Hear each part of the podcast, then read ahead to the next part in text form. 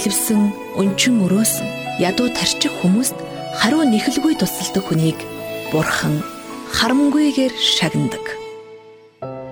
Христ мэндэлсний баярт зориулсан сайн үйл нэвтрүүлэг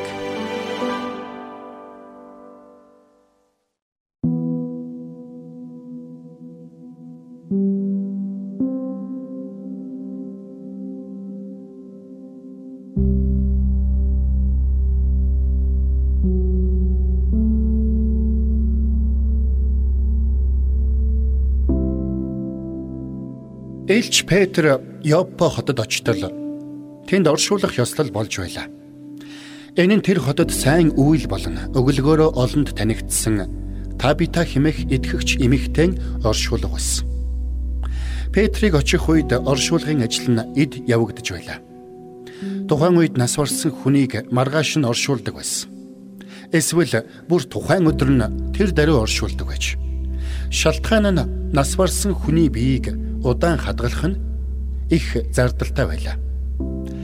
Харин Табитаг оршуулж байгаа хүмүүс түүнийг угааж дээд өрөөнд байрлуулж бас бусад хүмүүст гашуудах болон салах ёс хийх боломж олгож байгаа нь түүнийг хэрэг хайрладаг байсныг нь илэрхийлж байсан.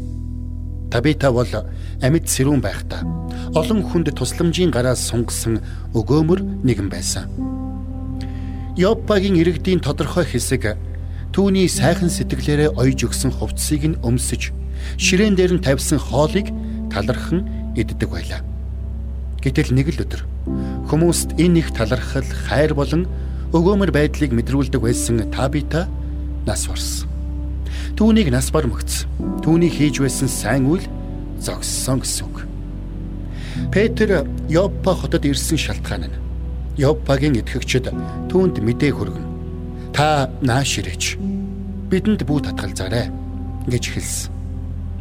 Петр тэдний урилгыг сонсоод Табитагийн оршуулган дээр очтол хүмүүс түүнд Табитагийн бусдад зориулан ойж өгсөн цамц хувцсыг үзүүлж түүний хийж байсан сайн үйлийг гэрчлэн ярьж байлаа.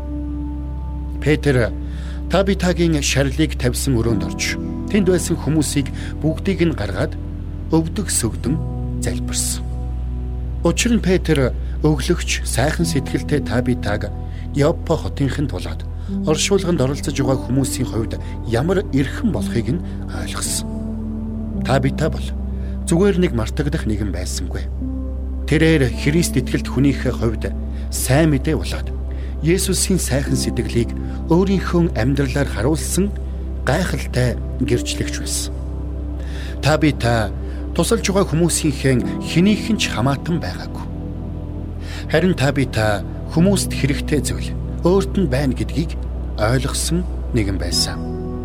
Тэр мөн өгөх тутам өөрөө өрөөгддөг гэдгийг ойлгож мэддэг нэгэн байсан. Тимэс Петр Табитагийн гайхамшигт сайн үйлсийг түүнтэй хамт дуусаасай гэж хүсээгүй. Түүн шиг нэгэнтэй хамт Тэнгэрийн хаанчлалын төлөө Есүс Христийн хайрыг бусдад хуваалцаж хамтрахыг хүссэн. Ингээд тэр цогцост хандаж та би та бос гэж хэлэхэд бурхан түүнийг дахин амьдруулсан.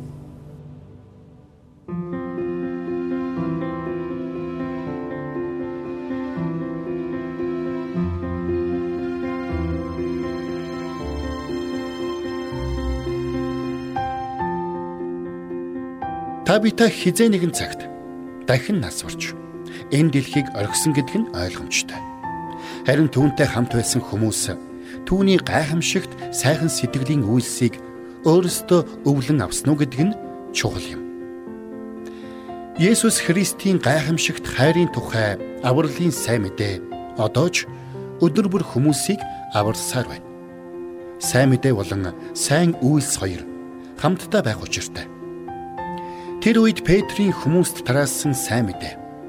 Табитагийн аврагдсан хүний талархсан сэтгэлээр хуваалцсан сайн үйл үргэлжилсээр өнөө цагт ирлээ. Аврал Христэд итгээгүй бүх хүнд хэрэгтэй. Харин биднээс гарах сайхан сэтгэлийн өглөг нь итгээгүй болон аль хэдийн итгэсэн бүх хүнд хэрэгтэй.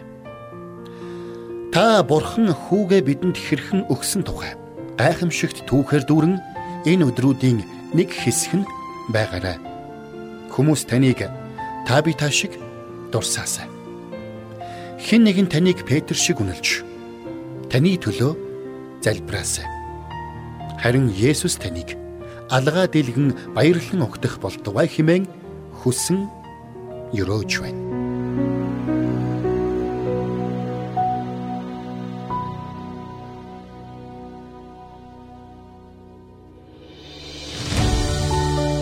Зовж үдсэн хүн зовлонг илүүгэн ойлгодог. Тиймдээж зовлон мэддэг хүн өөрийн баялгаа бусадтай хуваалцах нь бахархалтай зүйл юм. Бусдад өгдөг хүн бурхантай ойр байдаг. Христ мэндэлсний баярт зориулсан сайн үйл нэвтрүүлэг танд хүрлээ.